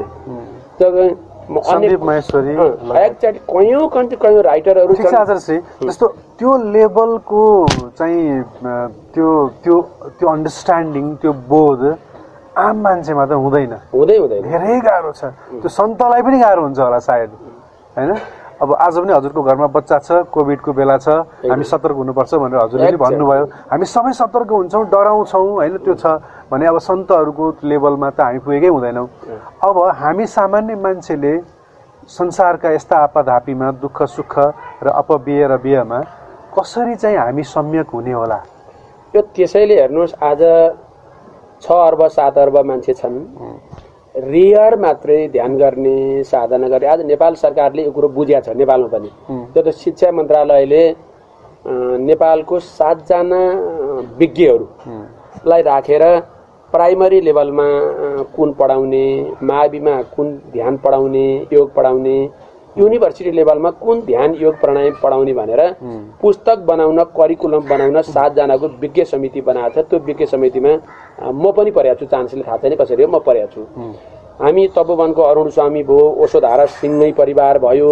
अन्य ध्यान योगमा लागेको साधक गुरु बसेर होल नागरिकलाई नै एक वर्षदेखि सात वर्षसम्मको सातदेखि साठी वर्षसम्मको साठीभन्दा माथिको वृद्ध वृद्धलाई कस्तो प्रकारको योग प्राणायाम ध्यान दिएर कमसेकम सचेत गराउन सकिएला स्वस्थ बनाउन सकिएला भन्ने प्रकारले आज राज्यले पनि सोचिराखेका छ आज संसारभरि कोभिड आइसकेपछि त डाक्टर पनि बिरामी छ। डाक्टर म मेरो बच्चा चाहिँ कोही नाति नातिना कोभिड लाग्ला भनेर हामी डराएको मात्रै होइन।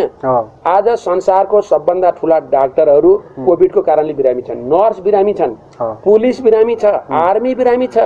जो उपचार गर्न पर्ने हो उही नै हस्पिटलमा छ। छ। होइन? आज तपाईँ र म त मास्क नलाइकन थोरै डिस्टेन्स कायम गरेर बोलिराखेका छौँ। आज मास्क लगाएर अमेरिकाको टेलिभिजन हेर्नुहोस्। मास्क लगाएर बोलिराखेका छन्। संसारभरि यो प्रकारको जुन आतंक छ यो आतंक भने मतलब डर होइन सतर्कता। त्यो त हामीले के गरेका छौँ म यहाँ तल आएर तपाईँसँग बोलिराखेको छु डर होइन सतर्कता। सतर्क हुनु हुनु भनेको डराउनु होइन आतंकित हुनु होइन। म रोग बोक्ने माध्यम बन्न नसकौँ। मेरो कारणले कोही वृद्धा वृद्धि बच्चा केटीकेटीमा रोग नजाओस्। भन्ने चाहना हो। मैले भन्दै थिएँ कि अब अब हामी यो लेभलको जुन एक्सेप्टेन्स जुन हामी सन्तको कुरा गरिरहेको थियौँ त्यो एक्सेप्टेन्स हामीमा हुँदैन होइन? अब हामीले त्यो एक्सेप्टेन्स डेभलप गर्नको लागि संसारमा भएका दुःख सुखलाई चाहिँ सहज रूपमा एक्सेप्ट गर्नको लागि के गर्न सक्छौँ? अब चाहिँ।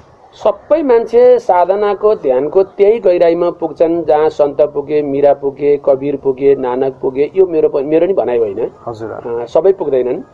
तर पनि अहिले राज्य मात्रै भएन हस्पिटलको पनि फिजियोथेरापीका सेन्टरहरू बनाइएका छन् योग ध्यानको सेन्टरहरू बनेको छ तथाकथित विभिन्न प्रकारका गुरुहरू पनि बजारमा प्रशस्तै छन् च्यानलहरू पनि प्रशस्त छन् एफएममा सबै यही मात्रै बजिराखेका छ।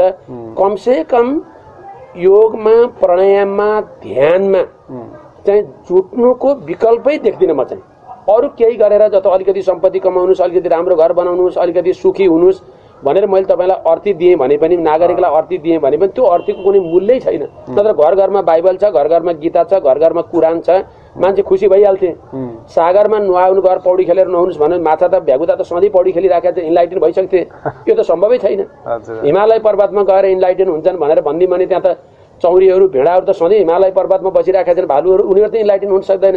त्यसैले अरू कुनै विकल्पै देख्दिनँ। म त नागरिकहरूले जसो तसो योगीहरूसँग ज्ञानीसँग ध्यानीसँग साधकसँग साधना गर्ने ठाउँमा जोडिएर साधनाको मार्गमा लाग्नुको मैले त विकल्पै देख्दिनँ। अरू यसो गर्नुहोस् भनेर भन्ने मसँग चिजै छैन। त्यसो गर्न सक्नुभयो भने सामान्य भन्दा सामान्य नागरिक पनि यो आजको दुःख आजको अशान्ति आजको अपधापीबाट मुक्त हुन सक्ने देख्छु। अन्यथा बाहिरी धन सम्पत्ति पद प्रतिष्ठा प्राप्तिबाट मान्छे मुक्त होला खुसी होला सुखी होला भन्ने न हिजोको इतिहासले त्यो देखायो न आउने कैयौँ जन्म यो सम्भवै छैन। यो ओसोहरू संसारमा सन्तहरू आउनुको पछाडि रहस्य नै त्यही छ परमात्मा। ठिक छ। श्री मेरो आफ्नै आमा बुवाहरू पनि गाउँमा बस्नुहुन्छ। अनि अब त्यहाँ ध्यान साधना गरौँ भने पनि तपाईँको त्यहाँ न ध्यान सिकाउने गुरुहरू हुनुहुन्छ न त्यहाँ सेन्टरहरू छ असम्भव नै छैन त्यहाँ। विदेशमा बस्नुहुन्छ कति हाम्रा विद्यार्थी साथीहरू डिप्रेसन भएको छ पढाइको प्रेसरले काम गर्ने प्रेसरले गर्दाखेरि उहाँहरू डिप्रेसनमा हुनुहुन्छ उहाँहरूसँग इन्टरनेट छ र पनि उहाँहरू चाहिँ इन्टरनेटबाट त्यो कुरा फाइदा लिएर डिप्रेसनबाट हट्न सक्नु भएको छैन। धेरै प्रयास गर्दैछन् सन्दीप महेश्वरी जस्तै मोटिभेसनल स्पिकर्सहरूले बढी बढी मोटिभेट गरेर हुन्छ उहाँहरूलाई। गुरुहरूको कुरा भन्दा मोटिभेसनल स्पिकरले बढी मोटिभेट गरिरहेको हुन्छ। गाउँघरमा गुरुहरू हुनुहुन्न सन्तहरू हुनुहुन्न मोटिभेसनल स्पिकर्सहरू हुनुहुन्न हामी चाहिँ मोटिभेट हुन चाहन्छौँ हामी ध्यान योगा गर्न चाहन्छौँ भने पनि सम्भव छैन वा बाटो देखाइदिने मान्छे छैन। अब हाम्रो कार्यक्रम हेर्ने भुला भकडा कसरी कसरी कसरी हाम्रो कार्यक्रम हेर्नुभयो कसैले भने हामीले उहाँलाई अब हजुर जहाँ हुनुहुन्छ जस्तो अवस्थामा हुनुहुन्छ उहाँले यो गर्नुभयो भने हामी चाहिँ घरमा केही मात्रामा सम्यक हुन सक्छौँ भनेर चाहिँ हजुरले केही उहाँहरूलाई बाटो देखाइदिनु पर्यो। एक नम्बरमा त कस्तो लाग्छ भने गाउँघरमा आमा बा दाजुभाइ दिदीबहिनी जहाँ दूर दराजमा हुनुहुन्छ उहाँहरूलाई हाम्रो जस्तो पिर चिन्ता बाधा आकाङ्क्षा पनि छैन हेर्नुहोस्। म त लाग्छ दिनभरि काम गर्यो पेटभरि मोही मकै खायो डङरङ्ग सुत्यो डोनाल्ड ट्रम्प आयो कि जे बाइडेन आयो केपी ओली आयो कि प्रचण्ड आयो मुख्य सचिव को भयो मोबाइल आइफोन आयो कि ल्यापटप आयो न त मेरो बाला थाहा छ न गाउँमा थाहा छ न लिन छ न दिन छ। चुनावको दिन एक दिन गएर भोट हालिदियो त्यहाँदेखि फर्केर आएपछि आफ्नो काम गर्यो। फिफ्टी पर्सेन्ट त ती त्यसै साधु छन् त्यसै सन्त छन्। जो हामीले यहाँ साधना गरेका छौँ। अमेरिका र काठमाडौँमा बसेर गरेको ध्यान भन्दा बाआमाको गाउँको फिफ्टी पर्सेन्ट लाइफ त्यसै साधु त्यसै सरल त्यसै शान्त छ। त्यो पिर चिन्तै छैन। इन्जोय। उनीहरू नाचेको उनीहरू हाँसेको बेलामा उनीहरू सुतेको बेलामा पनि उनीहरूको अनुहार फोटो खिच्न लागेको छ बरु। दिनभरि दुःख पाएर पनि। जति सहरमा छौँ जति बजारमा छन् जति ग्याजेटहरू हामीसँग हातमा छ त्यति नै हामीसँग पिर चिन्ता बाधा सूचनाले पनि आज बढी टेन्सन दिइरहेछ जहाँ सूचना उपलब्ध छ जस्तो पश्चिमा मुलुकहरूमा युरोप अमेरिका क्यानाडा अस्ट्रेलिया नेपालको पनि खास भूगोलमा जहाँ छ त्यहाँ चाहिँ मोबाइलहरू ल्यापटपहरू नेटहरू जुमहरू गुगलहरू जो उपलब्ध छ त्योबाट पहिलाको तुलनामा म्याक्सिमम् अहिले जुममा जोडिने गुगल मिटमा जोडिने फेसबुकहरूमा जोडिने त्यो अवसरहरू मान्छेलाई प्राप्त भइरहेको छ मलाई लागेको छ यही नौ महिना चौधको दस एघार गते लकडाउन सुरु भएको नेपालमा।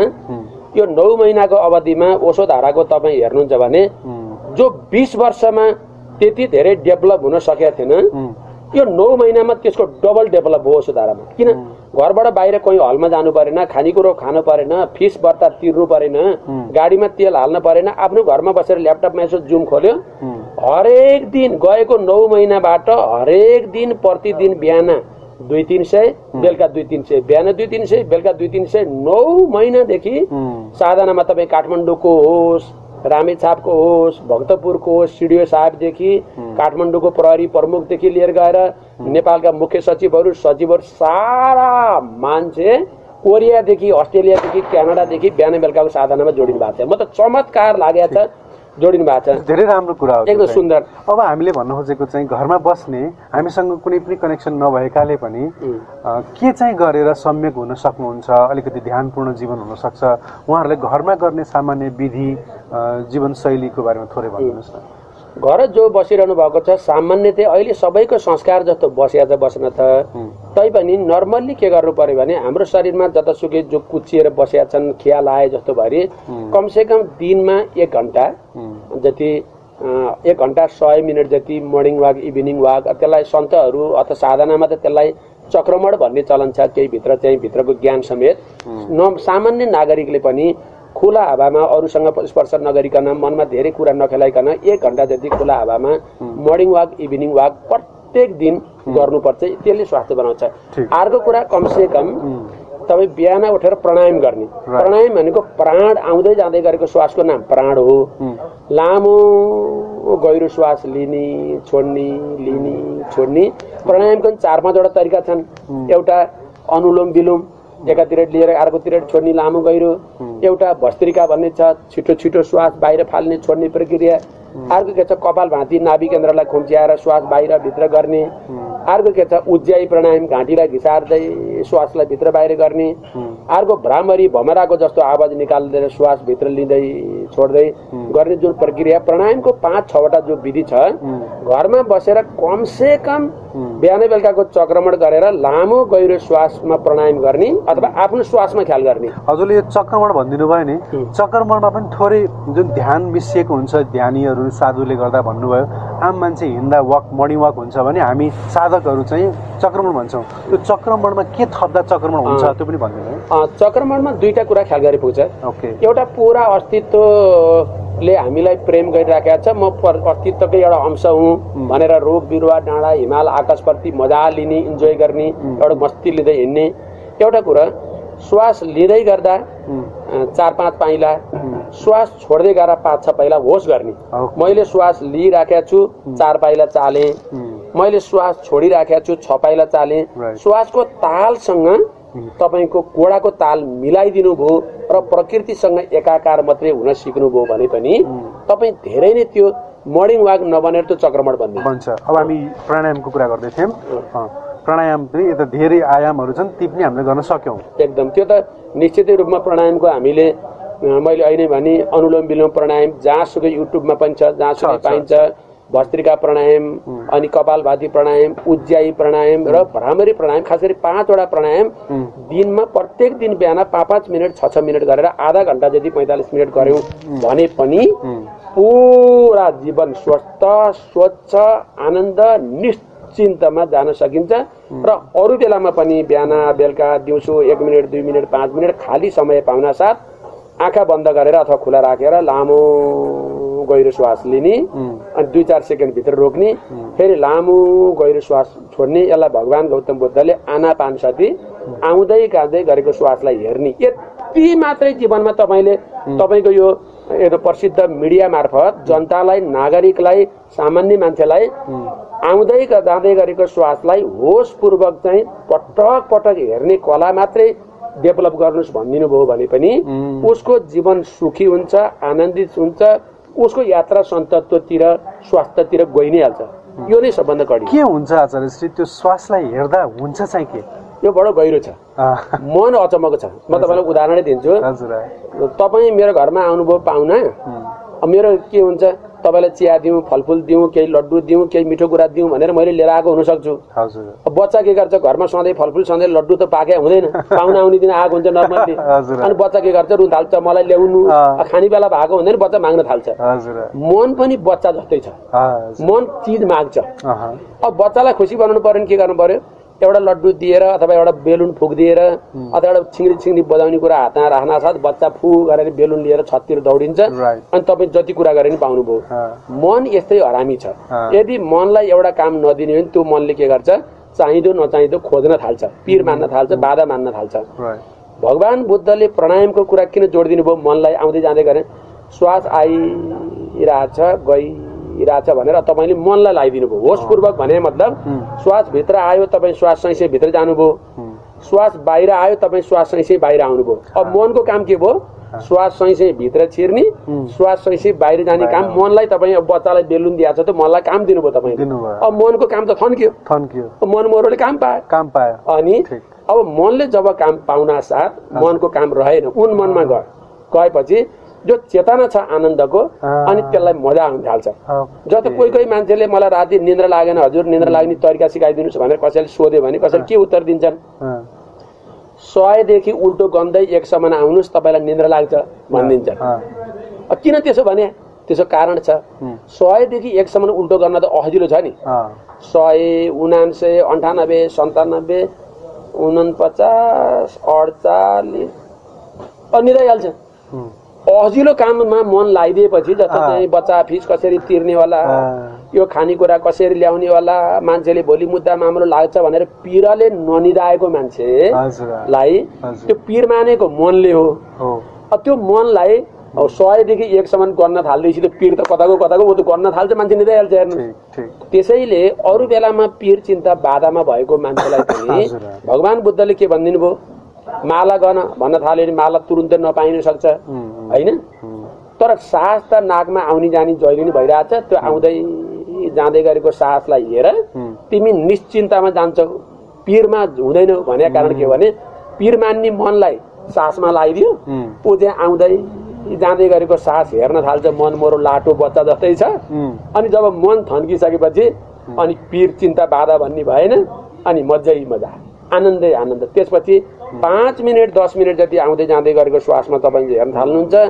त्यसपछि सारा पिर सारा चित्त हेर्नुहोस् न घरमा गएर तपाईँ त यसै पनि साधक तपाईँ ध्यानी नै मान्छे हुनुभयो। सामान्य नागरिकलाई पनि दस मिनट पन्ध्र मिनट आउँदै जाँदै गरेको श्वासलाई हेर्नु भनेर विधि सिकाइदिनुहोस्। दस मिनट पन्ध्र मिनटपछि उसले सास हेर्नु पनि पर्दैन। सारा मनको चिन्ता बाधा मैल जति सारा हराएर जान्छ र उन मनमा निर्विचार शान्तिमा प्रवेश गर्छ।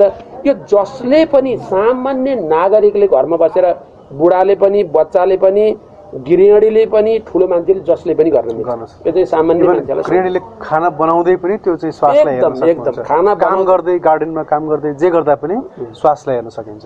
श्वासलाई मात्रै हेर्नु परेन अब त। गार्डनमा काम गरे भने त्यसलाई कर्मानन्द सन्तहरूले अर्को सूत्र दिनुहुन्छ। तरकारी पकाइरहनु भएको छ पकाउनुको मजा। यी। मैले चलाइराखेको छु कोदालो खन्नुभयो यी मैले खनिराखेको छु। अरू बेला सासमा ध्यान दिने। भनेको छ भने खने बेला ध्यान दिने। अब ध्यान के भयो? कोदालोमा गयो खन्ने चिजमा गयो त्यो कर्ममा आनन्द लिने कर्ममा आनन्द लिनुभयो अब फेरि नि- निश्चिन्त मजा भयो त्यसलाई भनिन्छ कर्मानन्द। कर्ममा जब आनन्द लिनुभयो कर्म। बडा राम्रो। अब कर्म गर्दै गर्दा ढाड दुख्छ कम्मर दुख्छ अब त्यसलाई चाहिँ फेरि के गर्ने? त्यसलाई त हेर्नुहोस् जहाँ समस्या छ त्यही हो। जस्तो कुनै फुलमा फुल ओइलाउन थालेछ भने ओइलाउन थाल्नु भनेको फुलमा समस्या छ। के गर्नु पर्यो? त्यसलाई तपाईँले जरामा पानी हालिदिनु पर्यो जरामा मल हाल्नु पर्यो। शरीर पनि नासोर छ।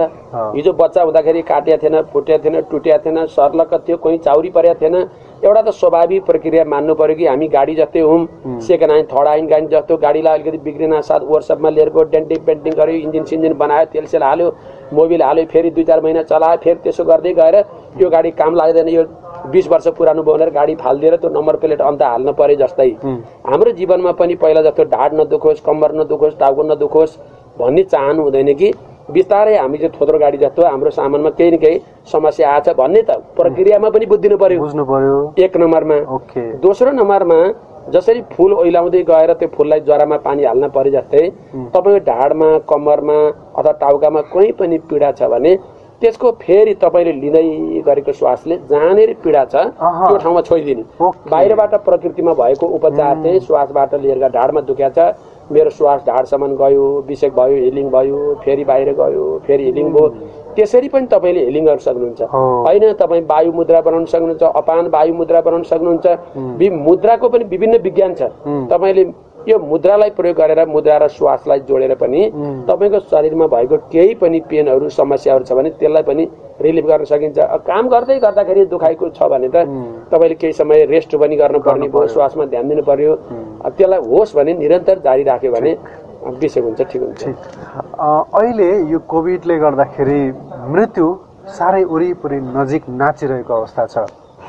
मृत्युलाई आर्यघाटमा गएर कोही जलिरहेको देख्दाखेरि सायद म चाहिँ मर्दिनँ होला भन्ने अनुभूति हुन्छ। अरूका कोही मरेको मर्दाखेरि पनि म चाहिँ मर्दिनँ होला नि त अरू मर्ला म चाहिँ मर्दिनँ कि भन्ने फिलिङ हुन्छ। शरीर वृद्ध हुँदै जाँदाखेरि सायद त्यो बोध पनि अलि अलि प्रगाढ हुने होला। सायद अब मेरो पनि मृत्यु पछाडि आउँदैछ कि भन्ने डर लाग्ने होला। मृत्यु वरिपरि छ।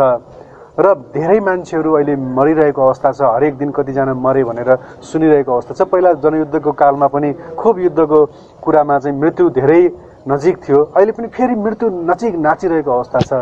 मृत्युसँग कता कता डरले गर्दा धेरैलाई साइकोलोजिकल प्रब्लम आइरहेको छ डिप्रेसनमा गइरहनु भएको छ। यो मृत्यु भन्ने चिज चाहिँ के हो? यो कोरोनाको प्रसङ्ग पनि निक्ल्यो मृत्यु पनि निक्ल्यो। डब्लुएचओ लगायत संसारको हेल्थसँग सम्बन्धित प्रसिद्ध अर्गनाइजेसनहरूले दुई हजार तिस सन् दुई हजार तिससम्ममा संसारको वान थर्ड मान्छेहरू मानसिक रोगी हुन्छन्।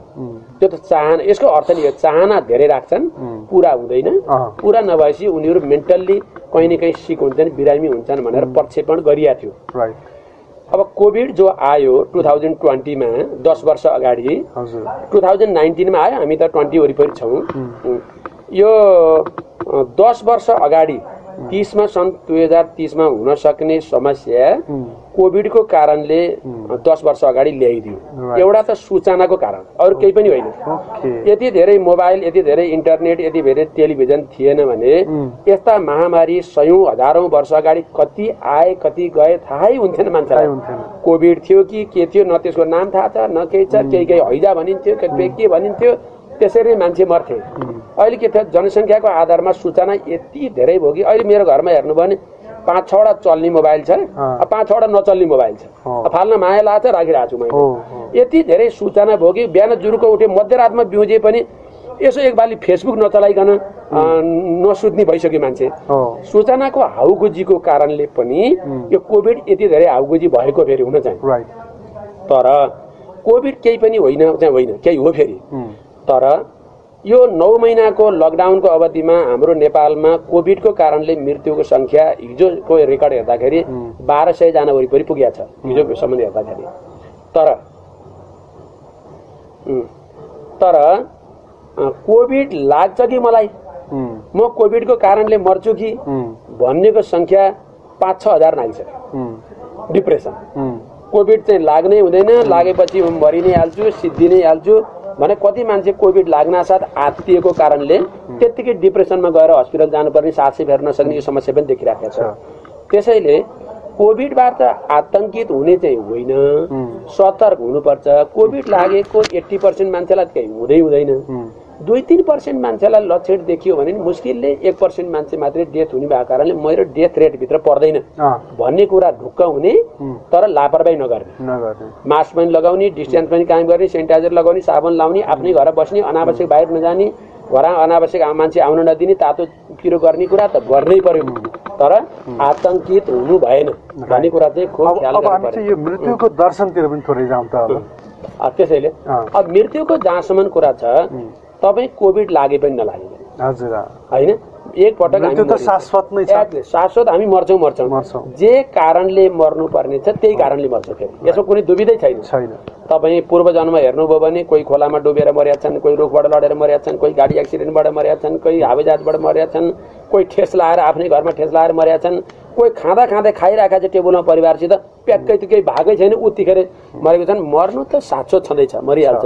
त्यसो भएको कारणले जन्म र मृत्युलाई एक अर्कोको सिक्का एक अर्कोको जस्तो चाहिँ सिक्का सिक्काको दुईटा पाटो। सिक्काको दुईटा पाटो जस्तो एउटा जन्म एउटा मृत्युको पाटोको रूपमा बुझियो भने यसमा मृत्युबाट आतङ्कित भइरहनु पर्ने आत्तिरहनु पर्ने कुरा चाहिँ ल तपाईँ कोभिड लाग्दै लागेन। कोभिड तपाईँलाई केही पनि भयो। लागेर पनि तपाईँ केही पनि भएन अरे। त्यसो भए के तपाईँ मर्नुहुन्न त? तपाईँ दिनदिनै प्राणायाम गर्नुहुन्छ अरे एकदम चाहिँ एक्सर्साइज पनि गर्नुहुन्छ अरे स्वस्थ पनि हुनुहुन्छ अरे बलियो हुनुहुन्छ अरे। के बलियो मान्छे मरे छैन नि त? होइन? के आज नमरेको भए संसार यति सुन्दर हुन्थ्यो त? मर्नु पनि सुन्दर कुरा। हो हजुर हजुर। खुब ख्याल गर्नुहोस्।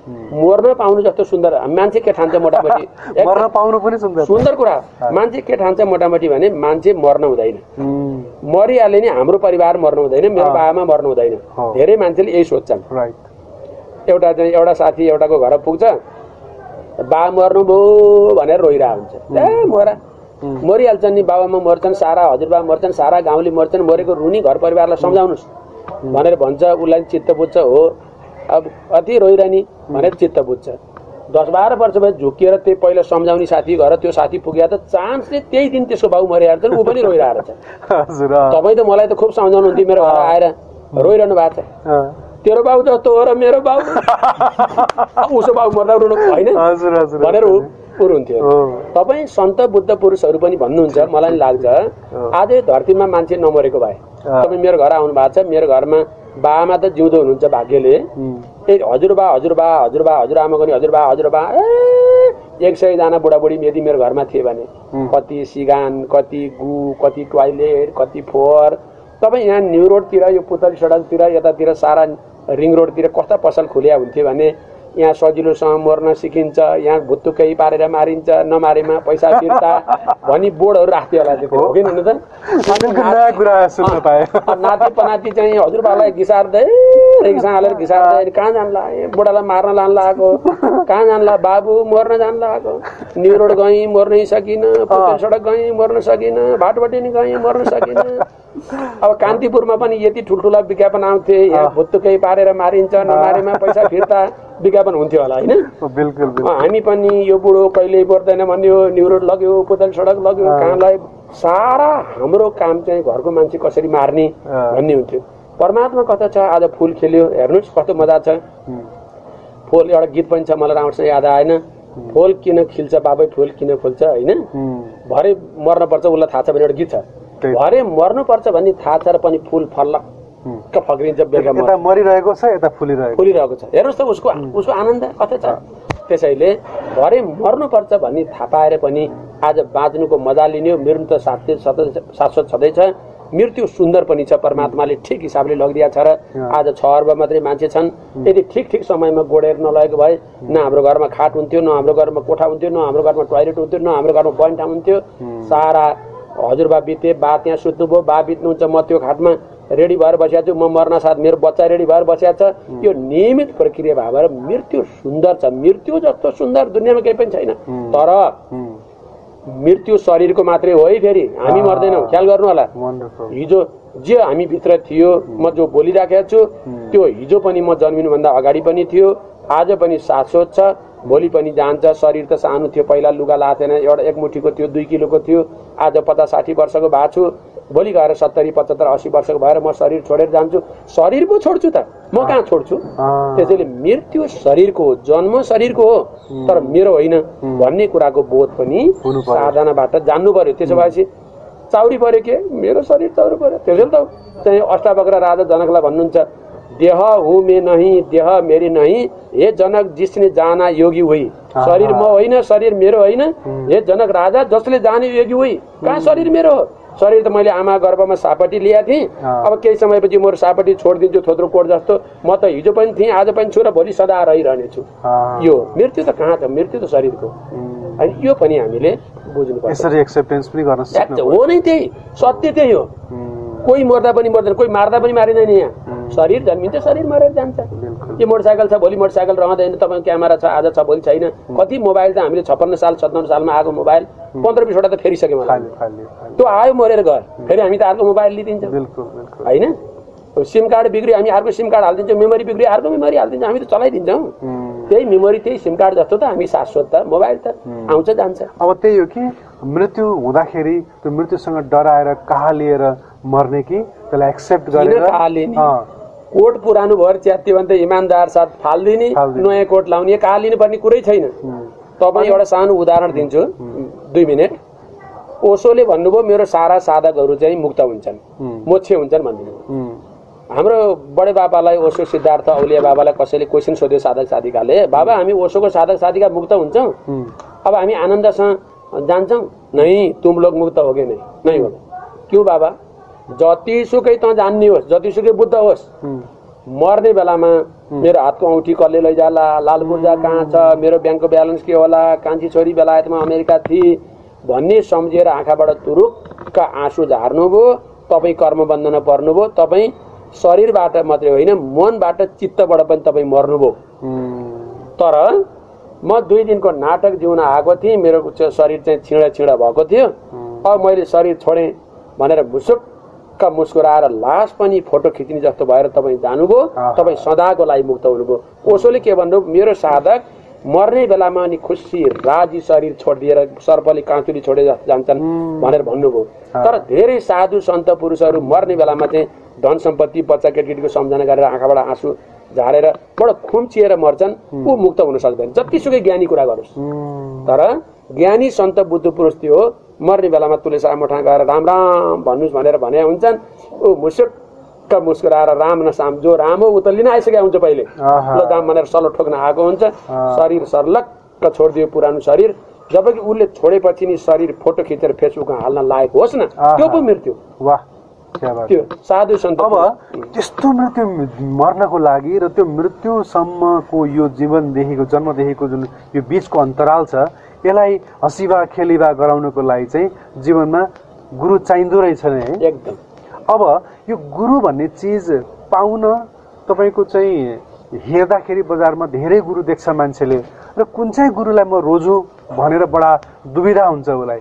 अब गुरु उसले कसरी पाउने कसरी गुरु रोज्ने कुन गुरु सत्य गुरु हो र कुन गुरु असत्य गुरु हो भन्ने जान्ने। त्यो सजिलो छ तपाईँ संसारमा डेढ अर्ब महिला छन् डेढ अर्ब सरी तिन अर्ब महिला छन् तिन अर्ब पुरुष छन् तर तपाईँसँग श्रीमती एउटै मात्र हुन्छ। नर्मल्ली किनकि सबै राम्रा मान्छे हामी श्रीमती बनाउँदैनौँ। एकजना बनाउँछौँ जोसँग हाम्रो लगाव हुन्छ। जोसँग प्रेम हुन्छ। फेसबुकमा पाँच हजार मान्छेसँग हामी जोडिएको हुन्छ। गहिरो प्रेम कोहीसँग मात्रै पर्छ सबैजनासँग गहिरो प्रेम पर्दैन। सबैको मेसेज आएको हुन्छ तपाईँ खास मान्छेको मात्रै मेसेज चाहिँ रिप्लाई गर्नुहुन्छ। तपाईँ योबाट क्लियर हुनु जस्तो दिपावलीको हजार चाहिँ मेसेज आएको छ सबैको रिप्लाई गरिन्न। गरि- कमनली हेप्पी दिपावली भनेर राखिन्छ फेसबुकमा। तर जसको पठाउनु पर्छ त्यसलाई पठाइन्छ अरू सबैलाई पठाइँदैन। त्यस्तै गुरुको मामलामा पनि को क्लियर छ एक त तपाईँ पूर्व जन्म संस्कारैदेखि गुरु परम्पराबाट आउनुभएको छ भने सो त तपाईँले गुरु पाइहाल्नुहुन्छ। गुरु त नभई हुँदैन। गुरु नभई त तपाईँ घरभित्र जस्तो मेरो घरभित्र जान त मालिक चाहियो। चाहियो। गेटको चाबी जोसँग छ उसले घरभित्र लानु सक्दैन लानै सक्दैन। चाहियो तर गुरु पाउन पनि एक त निरन्तर संस्कारबाट तपाईँ आउनु भएको छ भने त तपाईँले गुरु पाइ नै हाल्नुहुन्छ कुरै भएन। निरन्तर संस्कारबाट आउनु भएको छैन भने चाहिँ। तपाईँले गुरु पाउन थोरै कठिन त छ। तर पनि तपाईँले आज भएका संसारका गुरुहरू चोइस गर्नुपर्छ चोइस गर्दा जुन गुरुसँग प्रेम बहन जान्छ हजारौँ हजार लाखौँ लाख गुरुमध्ये जुन गुरुले यो गुरुले चाहिँ मेरो तार बजाइदिन सक्छ।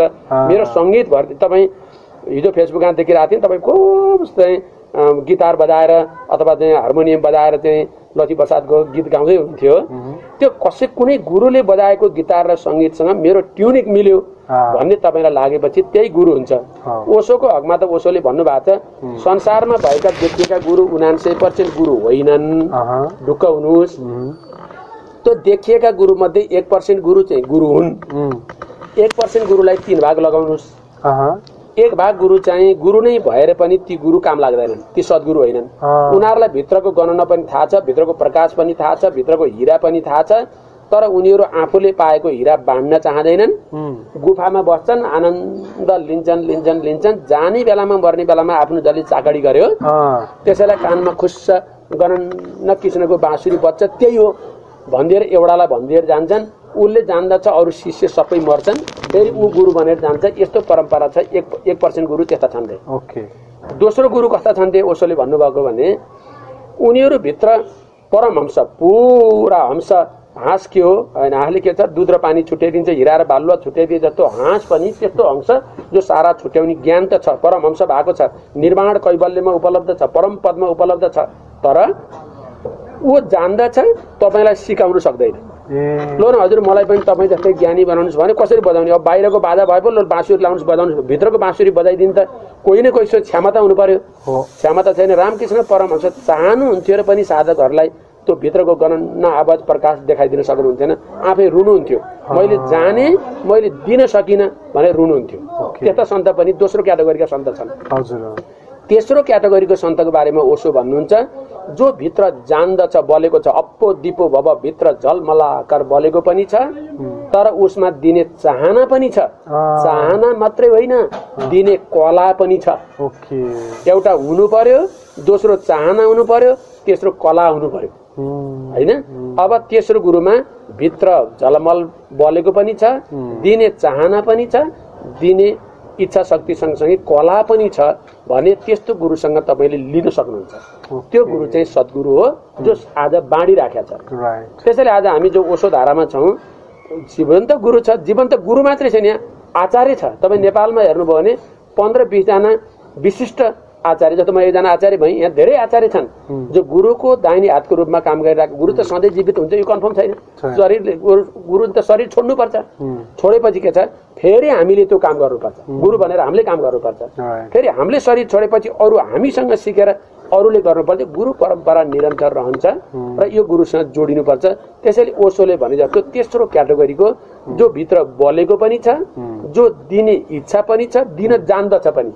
त्यस्तो प्रकारको गुरु समात्नुहोस्। त्यही गुरु नै आजको जिउँदो गुरु। हो। ओसोले भन्नुभएको छ मेरो शरीर छोडेपछि मेरो पछाडि नलाग्नु। जसले मेरो शिक्षा लिएर मेरो दीक्षा लिएर सिकाउन आउँछ त्यही गुरुको पछाडि लाग्नु। तिमीहरूले प्रश्न सोध्यौ भने नि म उत्तर दिन सक्दिनँ। मैले उत्तर दिएँ भने नि तिमी बुझ्दैनौ। तर तिमी जिउँदो जस्तो अहिले तपाईँ ओसोसँग अन्तर्वार्ता लिन त सक्नुहुन्न नि। मसँग अन्तर्वार्ता लिनुहुन्छ म ओसोको बताइदिन्छु। बताउन त कोही चाहियो। चाहियो। त्यसैले पनि जीवन्त गुरु चाहिन्छ। ओसोले भने जस्तो तेस्रो क्याटेगोरीको गुरु नै आजको जीवनमा हामीलाई काम लाग्छ। अरू सबै गुरु जाने छ दिँदैन। त्यो पनि के काम? जाने छ दिन चाहन्छ दिन जान्दैन। पनि के काम? लागेन दिन पनि जान्दछ भने त्यस्तो गुरु चाहिँ तपाईँले ट्युनिक मिल्छ कहीँ न कहीँ ट्युनिक मिल्छ तपाईँ जोडिनुहुन्छ। ठिक छ। आशा गरौँ आजको हाम्रो यो कुराकानी सुनेर कसैको बाटो सफा होस्। बाटोमा हिँड्ने गर्दै गरेका साधनाका पथिकहरूलाई त्यो बाटो फराकिलो होस् सफा होस्। बादल छ्याङ्ग होस् हाम्रो यही चाहना छ। मैले हजुरलाई जानी नजानी चाहिँ सोधेँ मैले सोध्ने प्रश्नहरू लगभग लगभग यिनै हुन्। अन्तमा हजुरले भन्नुपर्ने केही छ भने भनिदिनुहोस्। थ्याङ्क यू सुभाषजी मलाई बडो गजल लाग्छ तपाईँले पहिला गोर्खा एफएममा होइन? हुँदाखेरि घरमै टेलिफोनबाट इन्टरभ्यू लिनुहुन्थ्यो बिहान। आनन्द प्रज्ञाको भगवान् गौतम बुद्धको सम्यक दृष्टि खोजदेखि सारा चिजहरू हामीले इन्टरभ्यूको रूपमा गर्थ्यौँ। अति नै गहिरो साधक अति नै भित्र छिरेर बाहिर क्वेसन निकाल्न सक्ने क्षमता सबैको हुँदैन। यही क्वेसन अरू प्रतिष्ठित टेलिभिजन रेडियोमा गएको भए यति प्रश्न सोध्न सक्ने पनि थाहा हुँदैन। प्रश्न सोध्न पनि केही चिज थाहा पाउनुपर्छ तपाईँ साधक भएको नाताले गहिरो साधक साधक मात्र गहिरो साधक भएको नाताले कलाकार भएको नाताले भित्र जे चिज मैले अरूसँग इन्टर अन्तर्वार्ता दिएको भए यति गहिरो चिज आउँदैन थियो पनि। जो तपाईँले सोध्न सक्नुभयो र मैले आफूलाई भने खुब सुन्दर प्रश्न सोध्नुभयो। तपाईँको प्रतिष्ठित मिडिया के मिडिया हो? YouTube channel the secrets of life the secret of life YouTube channel पनि खुब सुन्दर छ। मैले पटक पटक हेरिरहेको छु। सबै साधक साधिका सबै मान्छेले हेर्नुहोस्। तपाईँले जुन प्रकारको अभियान चलाइरहनु भएको छ बुद्ध पुरुष सन्त पुरुष साधक पुरुषहरू कहाँ तपाईँ गएर जुन उजागर गरिरहनु भएको छ मानवको हितमा काम भएको छ। ख्याल गर्नुहोस्। यो अहिले त एकछिन बसियो ख्याल ख्याल जस्तो लाग्यो होला। यो केही सुभाष अगम जस्तो मान्छेहरू नजन्मिदिने हो भने पनि कसैको भित्रको कुरा जनतासँग लैदिने पनि कोही मान्छे चाहिन्छ। क्वेसन सोधिदिने मान्छे चाहिन्छ। खुब सुन्दर गर्नुभएको छ। यो प्रक्रियालाई निरन्तर अगाडि बढाइदिनुहोस्। मान्छेको हितमा कल्याणमा दुई शब्द बोल्न सकियो भने पनि यो संसार सुन्दर हुन्छ हराभरा हुन्छ बगैँचा जस्तो फुल्छ। धन्यवाद हजुरहरूलाई। हजुरको समयको लागि आभारी छु आचार्यश्री धन्यवाद आउँदो समय पनि राम्रो होस् र त्यो तिहार पनि रमाइलो होस्। ल हजुरहरूलाई नि दीपावलीको शुभकामना। मैले भने जस्तो बाहिरको बत्ती मात्र होइन भित्रको बत्ती बाल्न प्रयास प्रयास गरौँ सबैजना। बाहिरको लक्ष्मी मात्र होइन भित्रको लक्ष्मी भित्रको हिरा पनि खोज्ने ढङ्ग सबैलाई पलाओस्। यही शुभकामना मेरो। धन्यवाद। हुन्छ त आजको कार्यक्रम यस्तै रह्यो। हजुरहरूको समय र साथको लागि धन्यवाद दिन चाहन्छु। र क्यामेरामा मलाई साथ दिने रामतुलजी र समस्त टिमलाई आज्ञा दिनुहोस्। नमस्कार। नमस्कार। The Secrets of Life. with Subhas Agam.